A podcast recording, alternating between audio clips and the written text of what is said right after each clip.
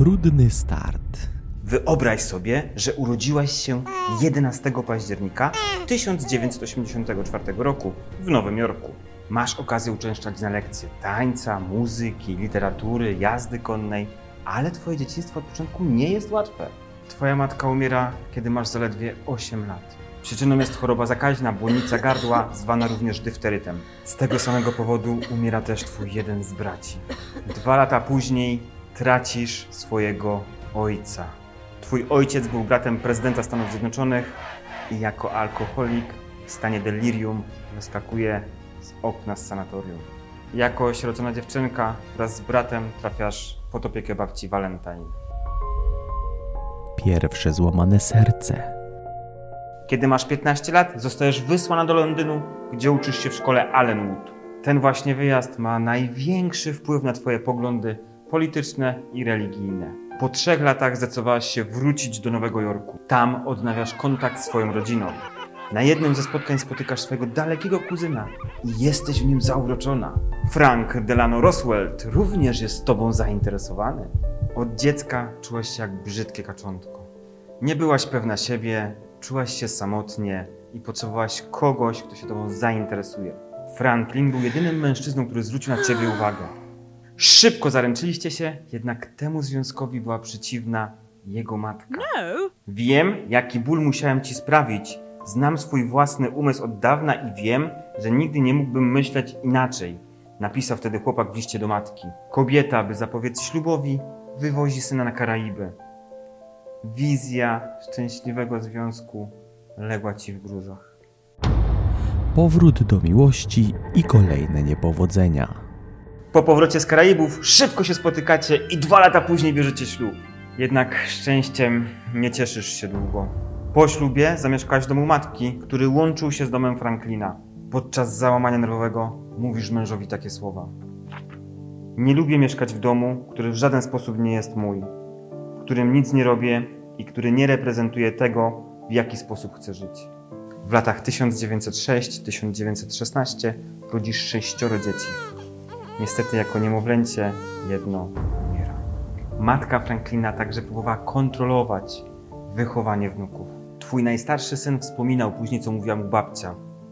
Twoja matka tylko cię urodziła. Jestem bardziej twoją matką niż twoja matka. Kilka lat później twój mąż, czyli przyszły prezydent Stanów Zjednoczonych, choruje na chorobę Heinego Medina, wywołaną przez wirusa polio. Jego ciało atakuje paraliż i traci siły na występowanie na scenie publicznej. Następne występki wychodzą na jaw. Głośnym echem odbiły się relacje z sekretarką Lucy. Romans zaczął się wkrótce po jej zatrudnieniu. Kiedy romans wyszedł na jaw, rozważaliście rozwód. Jednak upokorzenie, ogromne upokorzenie, które cię spotkało, minimalnie przegrało z miłością do dzieci, dla których to zrobiłaś zostaliście razem. Kiedy spotkałaś twojego przyjaciela i biografa, Josefa, mówiłaś mu, że to było najbardziej traumatyczne przeżycie w twoim życiu. Sama jednak nie pozostawałaś mu dłużna. Było wiadomo o twoich relacjach z lotniczką Amelią. A najgłośniejszy był związek z dziennikarką Loreną. Często wymieniałyście listy przepełnione czułymi wyznaniami. Zaczęły pojawiać się plotki na temat twojego biseksualizmu. Później kolorowe gazety donosiły o twoich związkach, między innymi z współpracownikiem Harem i z sierżantem Erlem, który był twoim ochroniarzem. Mhm. Gazety zamiast pisać o sukcesach na scenie politycznej, rozpisywały się o Twoim nieudanym małżeństwie. Twój wizerunek ostatecznie legł w gruzach. Kto naprawdę rządził Stanami Zjednoczonymi? Twoja pozycja była jednak sukcesywnie odbudowywana poprzez zaangażowanie i determinację w świecie polityki, którą zainteresowałaś się po ślubie. Uczestniczyłaś w sesjach Senatu Stanowego i w konwencji Partii Demokratycznej. Robiłaś się również popularna ze względu na działanie na rzecz kobiet. Brałaś udział w Międzynarodowym Kongresie Robotnic, który miał zachęcić kobiety do pracy w przemyśle. Brałaś także udział w zakresie akwizycji wyborczej kobiet. Gdy twój mąż zachorował, to właśnie ty namówiłaś go do tego, żeby nie rezygnował z kariery. Sama jeździłaś po kraju, zdobywając dla niego poparcie, a wygłaszając przemówienia, zjednywałaś sobie polityków.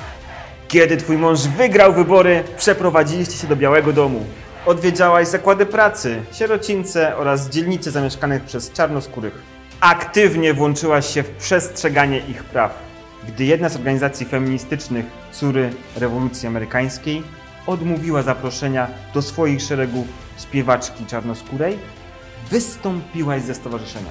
Po trzeciej wygranej męża objęłaś stanowisko dyrektora Urzędu Obrony Cywilnej. Byłaś ceniona nie tylko na scenie amerykańskiej polityki. Liczyli się z tobą ludzie na całym świecie. Dla dobra innych. Od zawsze angażowałaś się w działalności charytatywne. Podczas I wojny światowej współpracowałaś z Czerwonym Krzyżem, organizowałaś zbiórki jedzenia i szyłaś odzież dla żołnierzy.